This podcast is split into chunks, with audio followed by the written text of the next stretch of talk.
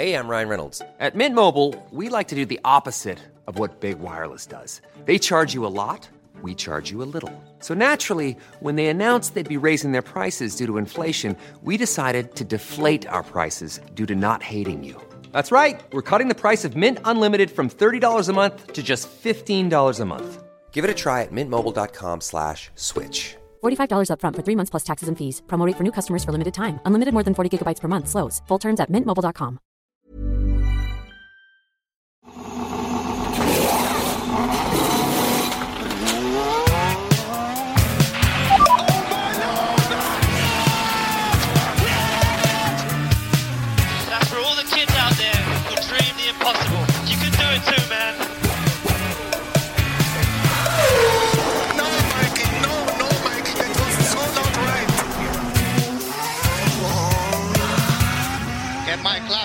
steering wheel.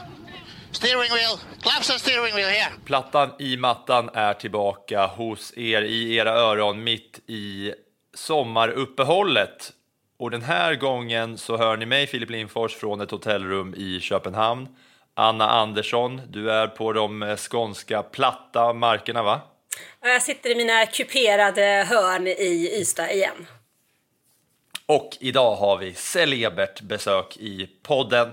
Ni har hört hans namn många gånger i Svenskkollen och fått höra att ja, han har vunnit, ja, han har vunnit igen, ja, han har vunnit igen, han leder mästerskapet i totalen, ja, han gick mot en ny seger och tog pole.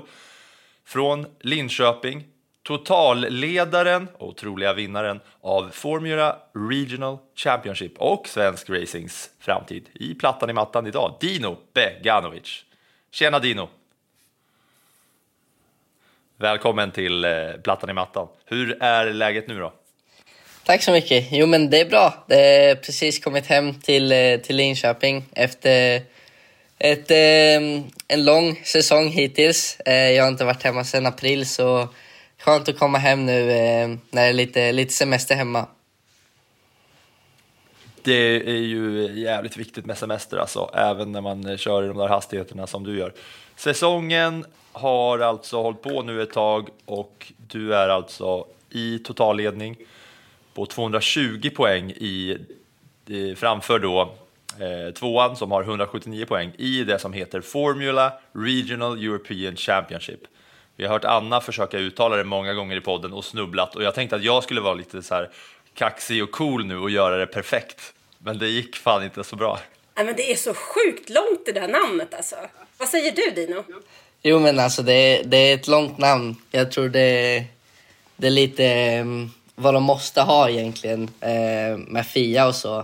Eh, men ja, det, vi brukar hålla det kort med Formula Regional Championship. Det, det räcker så. Sen så är det lite längre med Formula Regional Championship by Alpin också.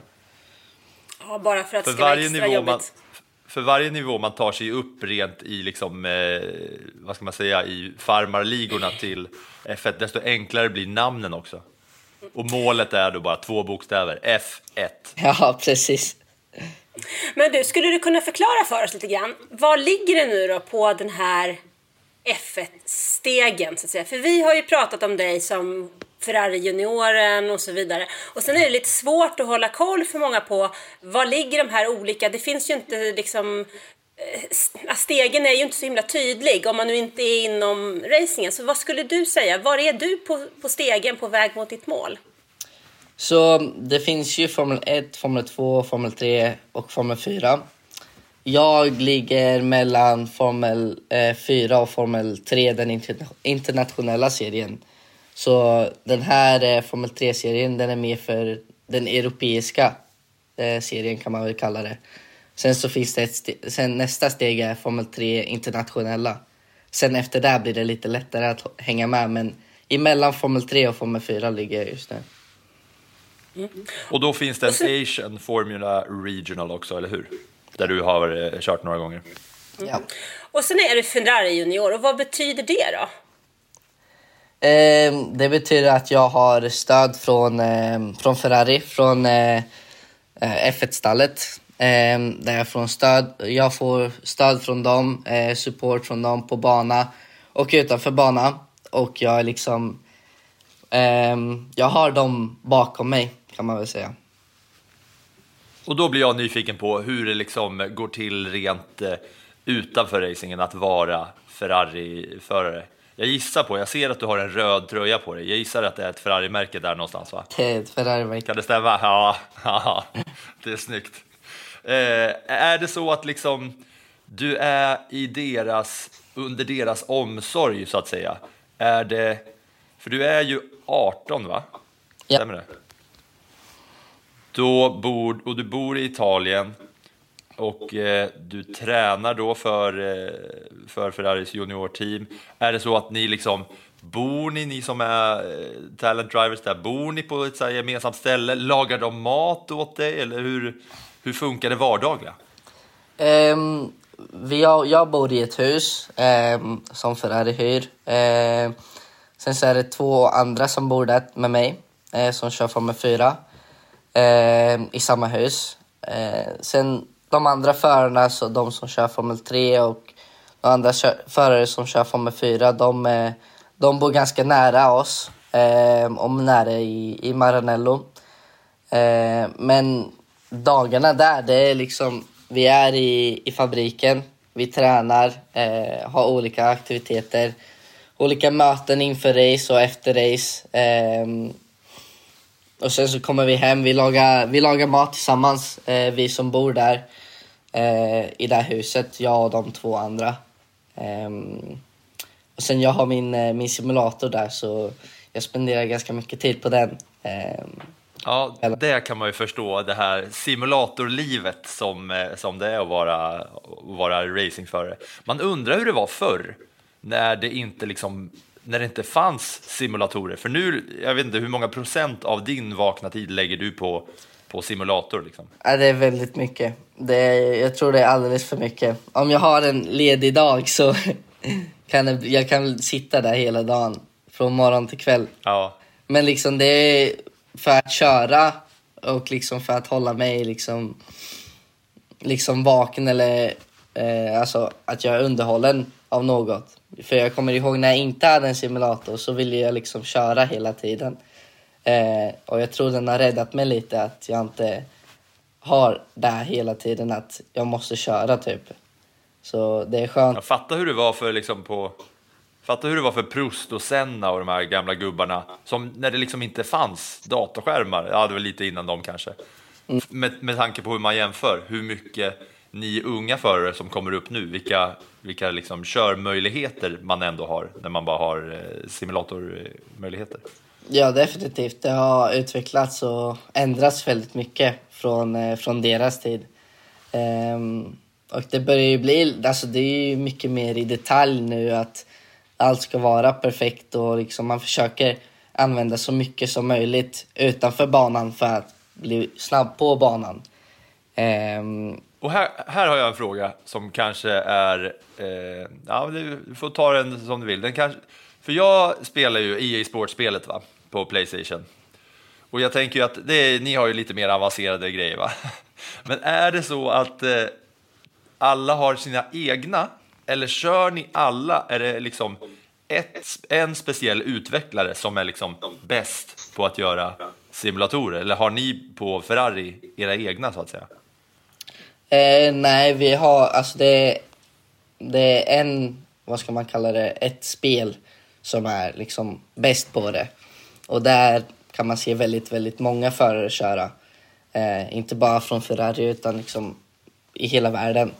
Till och med Formel 1-förare när det var, speciellt när det var um, karantän och med, mm, när det var som värst i pandemin så kunde man se väldigt många förare köra där och eh, ja, liksom vi använder ju våra simulatorer lite mer för skojs skull och för att liksom få den känslan att vi kör.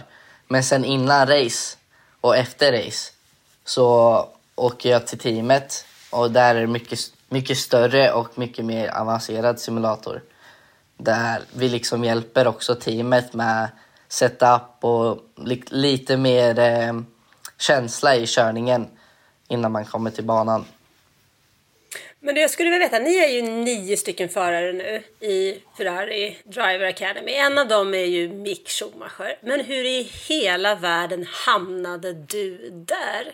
Hur hamnade du på Maranello? Var kommer du ifrån? Vad var liksom starten?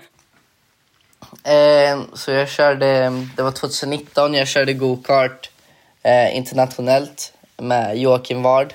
Eh, jag, det var mitt första fulla år att eh, jobba med Rickard Rydell.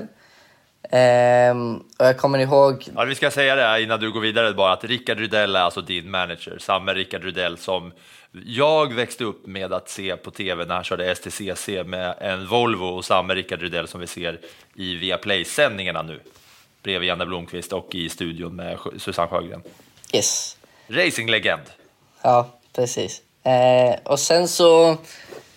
Det gick väldigt bra den säsongen. Jag blev eh, italiensk mästare i min klass eh, och blev tvåa i VSK eh, europeiska serien. Eh, och jag, det var flera som fick upp ögonen för mig eh, och jag fick chansen att göra Ferraris eh, uttagningsläger eh, som var i Maranello i, slut, nej, i början av september tror jag. Eh, det var efter mitt sista race i gokart som var VM. Eh, och sen efter det så var ju planen att gå upp i Formel 4 och börja testa och så. Men jag hade inte så mycket tid att testa Formel 4 innan jag kom till eh, uttagningslägret. Jag hann bara ett test eh, efter VM och innan det lägret. Ehm, så det lägret var fyra dagar i Maranello varav en av dagarna var på bana. Eh, på deras bana i Fiorano. Um, och ja, där så, det var vi fyra förare. Um, och de, de valde mig eh, till slut och sen så fortsatte de testa mig eh, i olika Formel 4-tester eh, på vintern.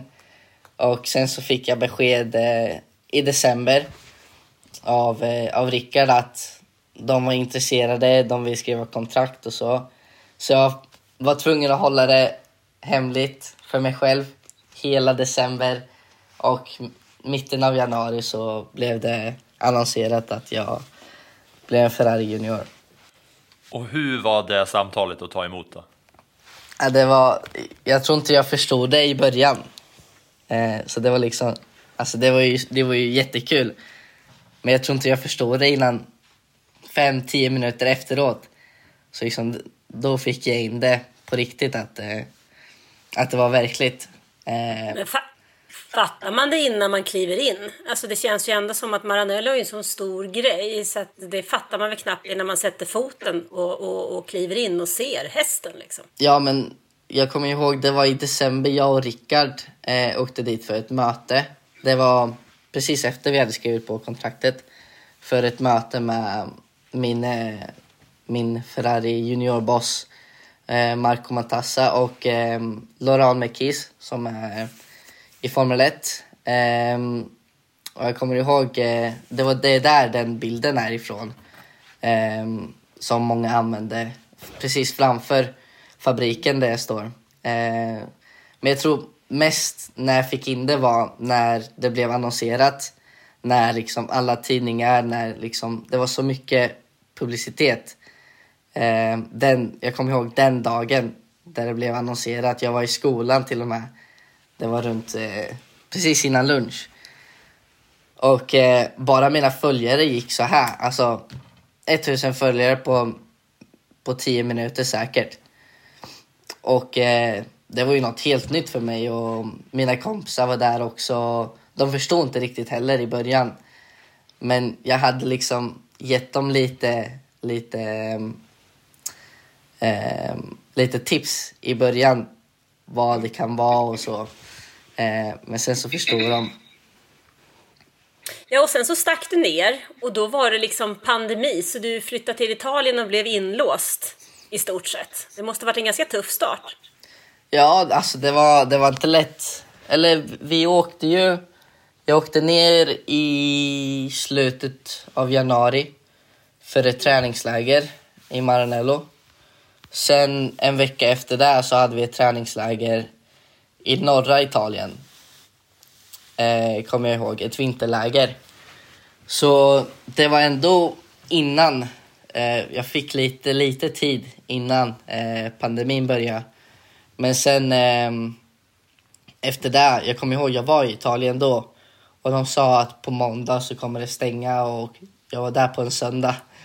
Eh, och allt skulle stänga ner och jag kommer ihåg mamma var också där så vi var tvungna att hitta, hitta ett flyg hem för att inte bli fast där nere. Ehm, men sen i, jag tror det var första juni, nej, något sånt. I, i början av sommaren så flyttade jag ner med, med alla mina grejer. Vi åkte bil ner. För det var fortfarande ganska svårt att flyga och så. Så vi tog bilen ner, vi fick ner alla grejer. Simulatorn var med också. Eh, Viktigt. Ja, så um, jag började, jag, jag bodde hos teamet i början, hos Prema, eh, som är i Vicenza. Eh, och efter ungefär tre månader så flyttade jag till eh, Maranello. Men du, hur, hur eh, funkar samarbetet då idag för, för er som är inom Ferrari Driver Academy och F1-teamet med tanke på att Mick Schumacher är fortfarande akademiförare fast han faktiskt kör F1 för Haas. Så hur, hur funkar samarbetet och vilken kontakt har du liksom med typ Binotto och de här som vi ser på TV? Men alltså, man, man ser ju dem nästan varje dag i fabriken. Alla ingenjörer och från olika delar, från turbodelen eller från motordelen, från chassi och alla sådana olika delar. Men det är ju klart, eh, jag vet det är ett ställe vi brukar gå käka lunch på.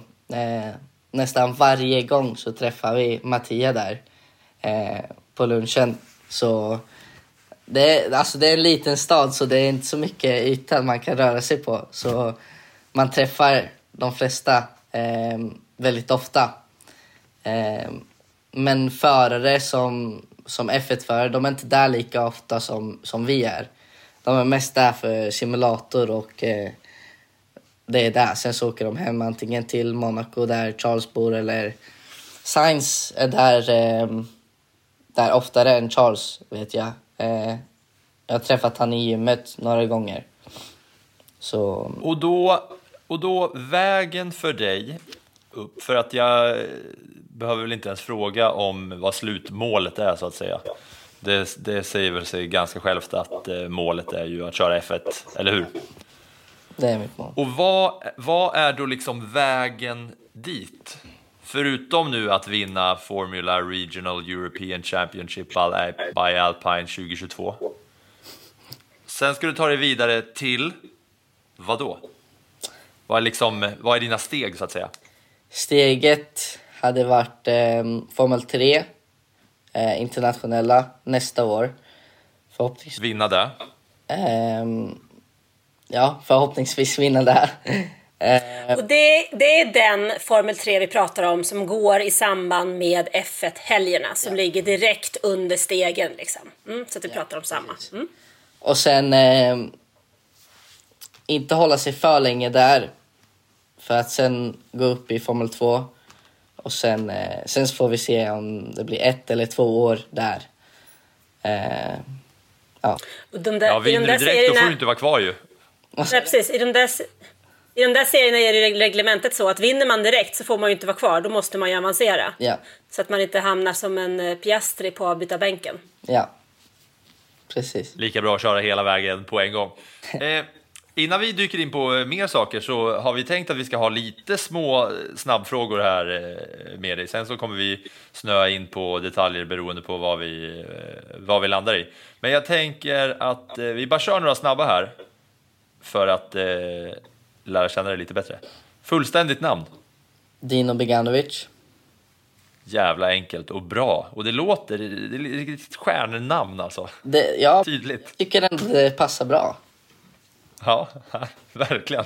Det är skönt att i alla fall veta nu när du har levt 18 år i livet och känna att ja, men du passar bra med namnet. Det är bra. Ferrari-föraren Dino Beganovic, det passar bra. Ålder är alltså 18 nu. Och då undrar jag, har du liksom gått i skolan pojk? Jag har eh, gått klart nian. Eh, jag gick klart nian när jag var, vad var det, 16 år. Och efter det så har det inte varit så mycket. Ja, spännande. Det är ju ändå... Racingskolan med andra ord. Ja, livsskolan. Ja, det, inte supervanligt nu för tiden ändå. Eh, jävla intressant, det gillar jag. Ingen gymnasiet, fan vad skönt. Skita i det där skolväsendet och bara köra bilen istället. Eh, eh, då undrar jag så här om bilen då. Jag vill veta, ja just det, du är 18, har du körkort ens? Yes. Hur gick det till? Alltså, inte rent, eh, du stämplade in på eh, körskolan och eh, gjorde dina lektioner och körde upp. Mer, visste liksom din lärare vem du var? Ja, vi, vi har känt honom väldigt länge så eh, jag fick mycket hjälp med det. Eh, jag kommer ihåg planen var att köra upp och göra teorin samma dag och det skulle ha varit på min födelsedag. Eh, men planerna ändrades flera gånger, jag tror fem gånger. Eh, så fick vi byta tid eftersom det var grejer som kom upp. Så jag åkte till Asien, för, till Dubai, för att köra mästerskapet där. Eh, och det var på min födelsedag också. Eh, sen när jag skulle komma hem så tänkte vi ja, då har jag en bra chans att ta körkortet. Eh, men nej, då skulle vi ha ett träningsläger i Maranello eh, som kom upp en vecka innan ungefär. Så um, sen så fick jag en liten lucka att åka hem i mars eh, och göra klart det. Men det var, det var inte lätt för jag var ju tvungen att jag var ju tvungen att plugga teorin väldigt bra och jag läste, jag läste boken som jag är väldigt stolt över. Jag trodde verkligen inte jag skulle göra det. Eh, men eh, och det är inget ni får lära er på liksom, eh, racingskolorna, att eh, lära er trafikskyltar och sånt. Manövrera bilen kanske du kan, men att eh, lära er skyltar är inget som de lär er va? att den enda skylten man ser är ja, 60 i depån och sen så är det liksom en sån... Eh, ut i depån så är det ingen hastighetsgräns. Men eh, ja, efter det så var det, det var, det var tufft att komma hem och sen så måste, var jag tvungen att göra teorin dagen efter, köra upp. Men eh, jag klarade på första för, försöket så jag är ganska nöjd. Men jag vet Ja, det var fan tur det. efter, efter uppkörningen så sa han åt mig att jag körde för långsamt. Men jag ville hellre vara på den sidan än på den andra sidan. Ja, det var tur det. Så nu har du haft körkort en liten stund i alla fall. Ja, ja. Eh, då kan jag ställa frågan när vi vet den här bakgrunden. Snabbaste hastighet du någonsin kört? Både på bana och privat. ja du. Jag åkte ner, jag åkte ner till eh, Italien med min bil efter jag körde upp eh, med pappa. Så det var en bra bit. Men eh, snabbaste hastighet på bana 270 skulle jag säga. Och då, vad känner man då liksom, när man är uppe i de där farterna? Tänk, tänker man något på det? Eller? Man är ju oftast bakom någon då för man har en bra slipstream. Eh, så man försöker ju köra om då i de hastigheterna. Men eh, man känner att man vill köra snabbare. ja, ja, men lite så. Man måste ju komma ikapp den framför. Men eh, ja, jag känner inget speciellt när det... Alltså, varje varv går det ju så i ungefär 17 varv. Så, sen på träning så kör vi ju så snabbt också. Så jag, tror, jag har vant mig lite. Ja, Men vad är det som är tjusningen då? Vad är det som lockar sådant med den här racingen för dig? Jag skulle ju säga ja, definitivt farten. Farten att liksom, man är ju sånt adrenalin. Eh, och att det går så snabbt. Men inte bara att det går snabbt utan man måste ju tänka också. Liksom, det är så mycket grejer, till exempel i ett startögonblick. Så måste man ju tänka på så mycket grejer liksom. Det är ju inte bara gasa och sen så blir det som det blir i första kurvan. Utan man har ju bilar bredvid sig, vänster, höger, framför, bakom och det är ju flera bilar man har också. Det är inte bara en bil. Och sen ska- man växla, sen ska man göra det så snabbt som möjligt. Sen ska man bromsa helt plötsligt, sen så om det händer något framför. Så det är så mycket, mycket grejer som går igenom ens huvud, eh, speciellt i starten. Och sen ska man ju försöka vara smartare än de andra under racet också. Till exempel i år har vi eh, en grej som heter push to pass. Eh, som vi kan använda fem gånger eh, under racet som är 15 sekunder.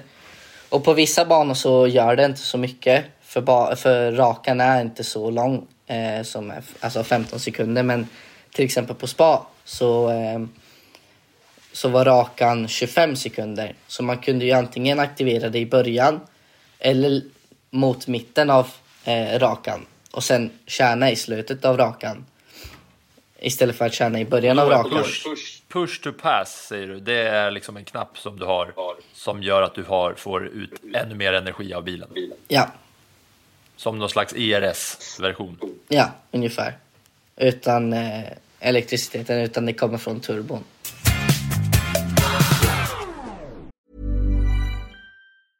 Hey, I'm Ryan Reynolds. Recently, I asked Mint Mobile's legal team if big wireless companies are allowed to raise prices due to inflation. They said yes. And then when I asked if raising prices technically violates those onerous two year contracts, they said, What the f are you talking about, you insane Hollywood ass?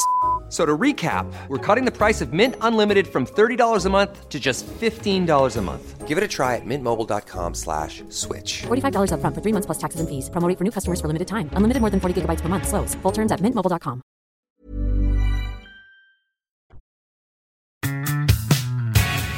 Du sa att du tog din bil ner till Italien. Min, min eh, frågorna som jag har skrivit ner är vilken var din första bil och bilar du äger? Ehm, ja, det är en eh, röd, en röd bil, en röd Golf är det. Ja, härligt. Fan vad skönt att höra en, en racingförare berätta att, eh, att färgen på bilen före märket. Ja, jag tycker det för det är ingen Ferrari, men det är typ som en Ferrari, för den är röd. Så Ja, det är viktigt. Men det är inte så att du, vad, vad, kör du runt med där nere? Kör du runt med den, eh, den bilen där? jag kör runt med den. Och då vet man att då kanske man har vägarna upp så kanske man eh, kan köra till sig lite Ferrari-premier sen under Ja, jag har tänkt på det också, som en företagsbil kanske. Ja. Jag tänkte du skulle ha en sån elskoter liksom. Ja, jag hade en cykel innan i Italien, innan jag fick körkort.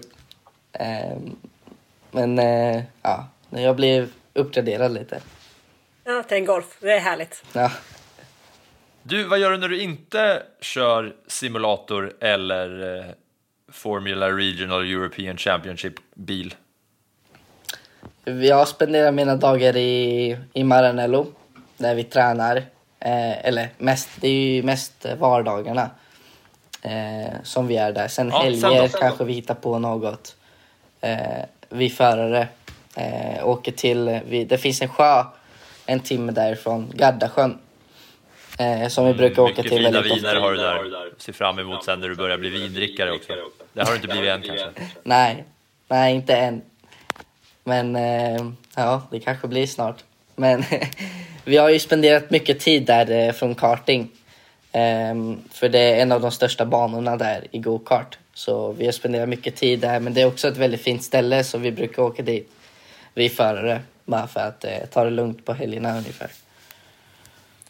Eh, mest minnesvärda race som du kört och som du minns som du har sett eh, Formel 1 på eh, TV? Ehm, som jag har kört skulle jag säga min vinst i Monaco. Ehm, som Ja, det måste varit häftigt. Ja, det var, det var något annat. Ja, men det ska sägas att det som är lite coolt med eh, Formula Regional är ju att ni faktiskt kör på F1-banorna. Till skillnad från lite eh, alltså annan racing när man tar sig upp i, eh, i stegen. Eller hur? För att ni kör ju på Ja. samma banor som eh, F1-förarna kör på. Ja, ja, det är ju jättebra i det här mästerskapet för vi kör på... Det finns inte någon bana som inte är en F1-bana. Så det är väldigt bra för framtiden också när man kliver upp i Formel 3 och Formel 2. Och Du sa ju förut att- var... Förlåt, säger du Anna? Nej, men jag tänkte, du sa ju förut att stegen är målet. Men hur långt fram ser du det där målet? Som Formel 1 liksom. Pratar vi fem år? Pratar vi tio år? Vad, vad pratar vi här? Ja, jag sa ju någon intervju, jag kommer inte riktigt ihåg. ska försöka säga samma, men jag, jag skulle säga fem år. Det sa du till mig förra gången jag frågade också, så det var ju bra att du håller i. Ja, jo men det, det var till dig jag sa det. Så, ja, fem, fem år skulle jag säga. För, för min del får du gärna, gärna snabbspola det där och ändra om du vill. Det gör inget, du behöver inte hålla dig till samma.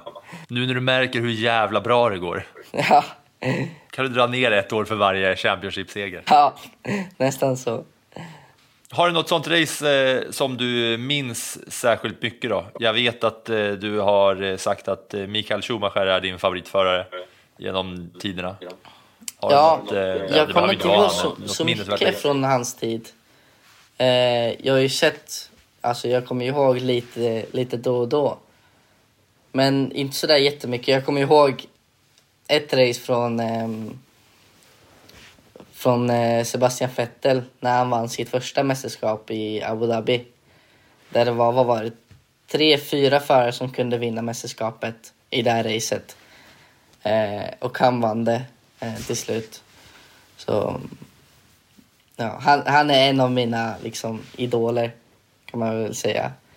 Och eh, den, eh, det här racet, jag har faktiskt kollat på det flera gånger. För jag blir inte så trött på att höra eh, alla liksom teamkommentarer för det är ju så mycket snack om mästerskapet, var man ska placera sig och om man måste tjäna en till plats eh, så händer det här i mästerskapet. Och, nej, det var ett intressant race. Vilka har du mer som, eh, som du liksom ser upp till, eller vad man ska säga? Jag ser upp till eh, Mikael Schumacher, som du sa. Sebastian Vettel och eh, Charles. Du har snackat med Charles Leclerc någonting? Ja, speciellt i, i Monaco fick jag chansen. Eh, för eh, till exempel som förra året så var det lite svårt att komma in i F1-depån. För de hade sina bubblor och eh, det var svårt att komma nära där. Men i år så fick jag chansen att eh, kolla på racet i Monaco. Eh, F1-racet och jag var där på kvalet också. I deras eh, hospitality och i deras depå. Så mm, ja, det, det, det var kul. Eh, för eh, jag kommer ihåg att jag käkade lunch där i deras hospitality. Och så kom både, alltså inte samtidigt, de kom inte fram samtidigt utan de kom en och en. Men det som var kul var att de visste att jag hade vunnit där. Och de, alltså, de sa grattis till mig. Så det var inte så att de, eh, liksom, det var bara tjena allt bra så. Utan de visste att jag hade vunnit. Så det var, det var lite speciellt. Så Fick du något tips eller råd? Nej, inte direkt jag gav tipsen till dem. Nej men alltså, banan var lite, lite annorlunda den dagen. Så de frågade bara eh, vad som hade ändrats. För eh, när olika klasser kör så kör de med olika däck. Och eh, olika däck kan eh, sätta olika fäste på banan. Så banan hade ändrats lite till söndagen men eh, ja, inte, inte mycket mer än så. Nej, det hjälpte ju inte Ferrari-strategerna den dagen i alla fall. Nej, det hjälpte ju inte faktiskt. Du, jag tänkte på det. Alltså, Ferrari har ju haft en ganska tung eh, sommar. Vi gick igenom här i förra veckans podd eh, hur Charles Leclercs åtta senaste race har sett ut. Där det var där vi ser på en seger och pallplats faktiskt. Och resten är lite tyngre. Hur har stämningen varit i Maranello den här våren, sommaren? Du som har varit där på plats. Den har ju varit bra när det har gått bra. den, har, den har varit väldigt bra. Alltså bäst... Eh, det har inte varit liksom så bra sen jag kom hit. Eh, för 2020 var ett tungt år för dem. Och eh, de har gjort ett stort steg framåt nu. Men eh, jag skulle säga att ja, det är tungt för, för alla som jobbar där att se ett, eh, ett misstag som Charles gjorde i, på Ricard. Det, det är liksom tungt för dem att se att det kommer bli svårt att vinna mästerskapet i år. Lite så. Ehm, men samtidigt så är det kul att se att alla vill framåt. Speciellt för att det har gått så bra i år jämfört med förra året och året innan det. Och att Ferrari är tillbaka och fightas om det. Ehm, men ja, det är klart, de har lite kvar att, eh, att jobba och, och se till att inte sådana såna misstag händer också som i strategi men också från förarsidan som, som Charles gjorde. Men du, nu är det nio lopp kvar i, i höstens Formel 1 här. Eh, vi har lite paus just nu. Men vad tror du om hösten? Vad, vad är din, om du får kika lite i spåkulan. Vad tror du om F1 hösten 2022?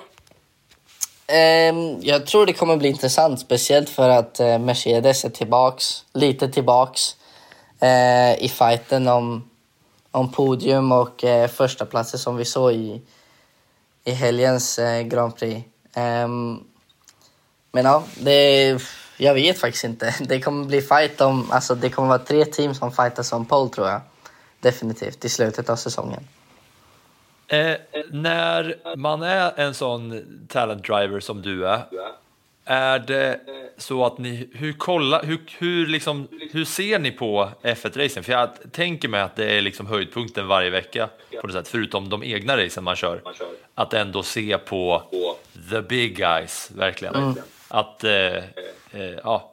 Har ni någon sån här samlings, att kollar ni ihop, sitter du och kollar själv med papper och penna och antecknar liksom för att utveckla det själv eller slår ni er ner med liksom chips och popcorn och hela den faderullan, träning 1, träning 2, träning 3 och så vidare?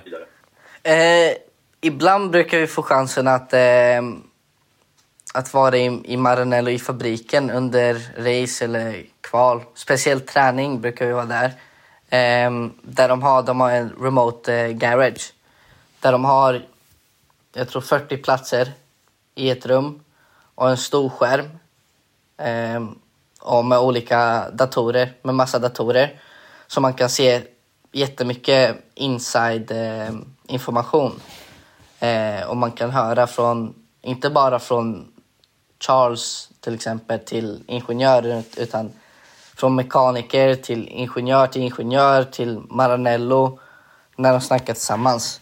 Så det brukar vara ganska intressant att, att få kolla på det men ofta så blir det att vi är hemma. Antingen så kommer, kollar vi tillsammans eh, eller så sitter jag i simulatorn och kollar med några andra förare eh, online. Så vi brukar koppla upp oss eh, så vi snackar i samma samtal och eh, vi kollar på racet.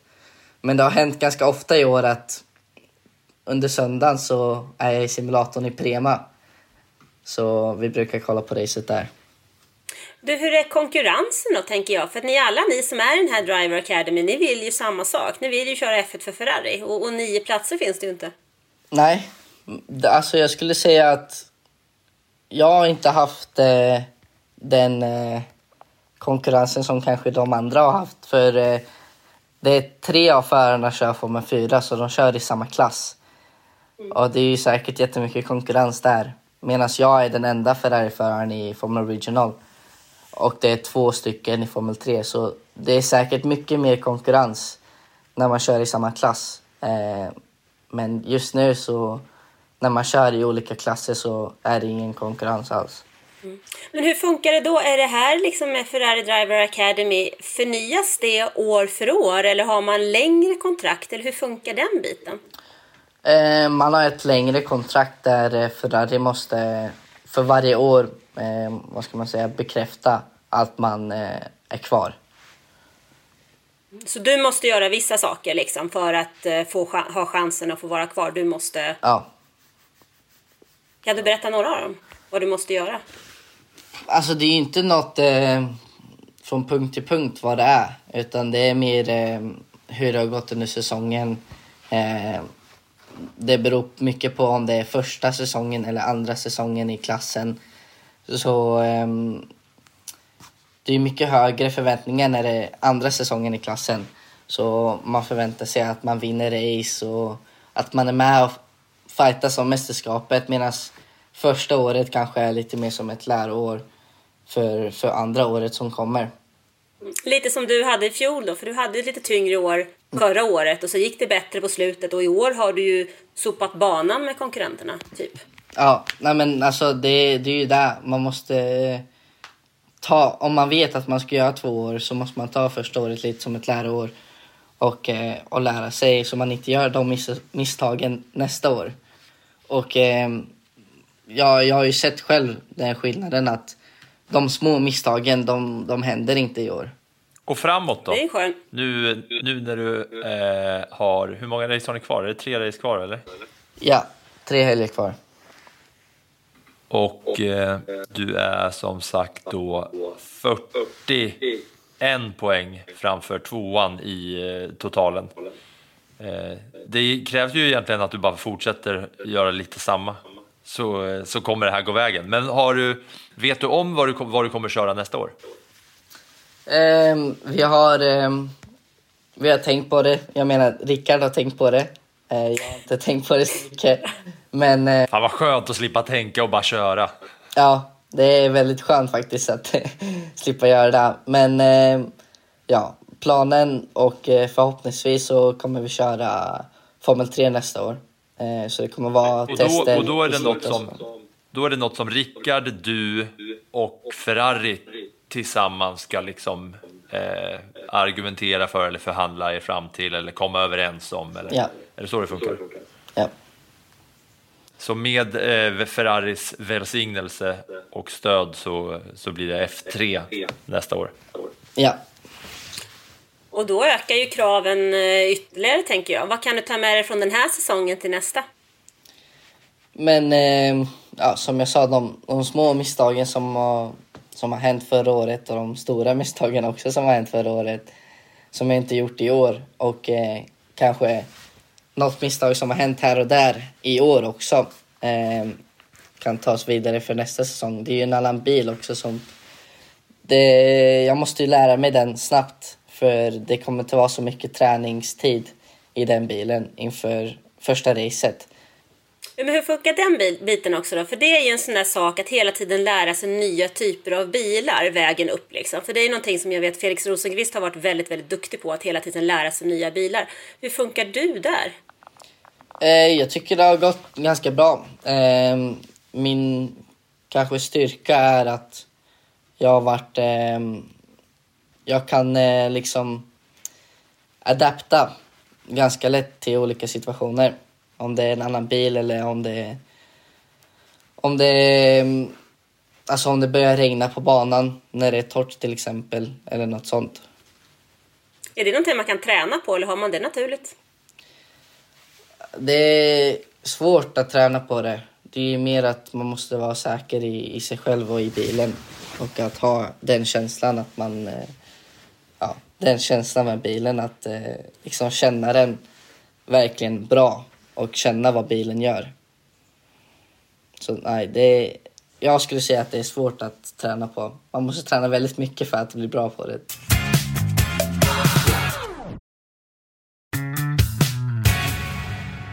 Du, eh, klockan ser jag börjar ticka iväg här och eh, jag vet att du är en 18-åring som inte varit hemma i eh, hemstaden på många månader. Och det är sommar och du är ledig. Vad, vad väntar för dig de här lediga veckorna hemma i Linköping? Ja, de, alltså jag är ändå... Ja, jag har ändå lite att göra. Jag ska vara med i P4 Radio om eh, 15 minuter. Så jag måste åka till stan snart. Eh, men eh, annars så bara vara, vara hemma med familj och vänner. Eh, sen ska jag åka till eh, på semester till Kroatien också med några vänner eh, efter det innan jag åker, kommer tillbaks lite en vecka eh, innan jag åker tillbaks till Italien i slutet av månaden. Gött. Och sen har du tre race kvar att vinna va?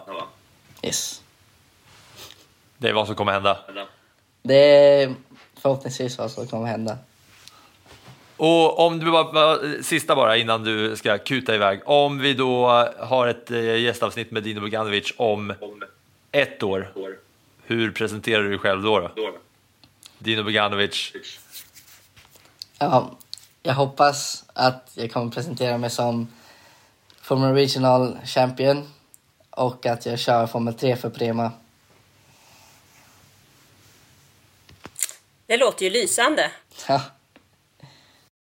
Då säger vi så att eh, Dino Boganovic måste ju kuta till nya eh, mediaåtaganden. Så är det när man är eh, Ferrari Talent Driver och blivande Formula Regional European Championship by Alpine 2022 Champion. Dino, tack så jättemycket för att du var med och kacklade med oss här. Ja, ett stort tack Dino för att du tog dig tid. Ja, tack själva. Det har varit eh, jättekul faktiskt. Super! Och ni som lyssnar, ni kommer såklart kunna höra hur det går för Dino i vårat Svenskkollen-segment. Det var alltså sommaruppehållets första gästavsnitt. Plattan i mattan kommer även ha en gäst i nästa veckas podd då det inte heller har raceats Formel 1. Och Anna, du kan ju berätta lite mer om vad vi har för gäst nästa vecka. Då går vi upp i eh, åldrarna och eh, tillbaks i historien. Ja, det gör vi. Om Dino är framtiden så är nästa gäst historien. Ja, Dino är framtidens Ferrariförare och den som vi möter nästa vecka är ju faktiskt en historisk Ferrariförare, nämligen Stefan Lillövs Johansson, en av de eh, svenskarna som kört Formel 1 och faktiskt den enda som kört för både McLaren och Ferrari. Mäktigt! Och det ska bli väldigt kul att få höra eh, hur, eh, ja, hur Formel 1 har förändrats sedan den tiden och hur det var där och då. Eh, och ni som nu har lyssnat på det här avsnittet med Dino Beganovic, Framtiden, och ni som läser Annas blogg, ni får ju såklart jättegärna komma med frågor då till Lövis nästa vecka genom att antingen kommentera på bloggen, ni kan mejla till anna.c.andersson.aftonbladet.se och ni kan mejla till filip.lindfors.aftonbladet.se eller kontakta oss, ja hur fan ni nu vill. Vi har ingen faxmaskin men folk hittar väl säkert eh, vägar fram och tillbaka. Det är många som ringer till redaktionen ibland och undrar saker. Ibland ringer folk till Sportbladet-redaktionen och frågar vilken, vilken kanal går den här matchen på och så vidare. Så ja, om det är någon som vill ringa in och ställa en fråga till podden, gör Gör det! Undrar ni något om Lill-Lövis och hur det har varit i att vara Formel 1-förare och köra Ferrari och allt sånt där så eh, skicka frågor till oss så tar vi upp dem i podden nästa vecka. Nu säger vi tack för att ni har lyssnat.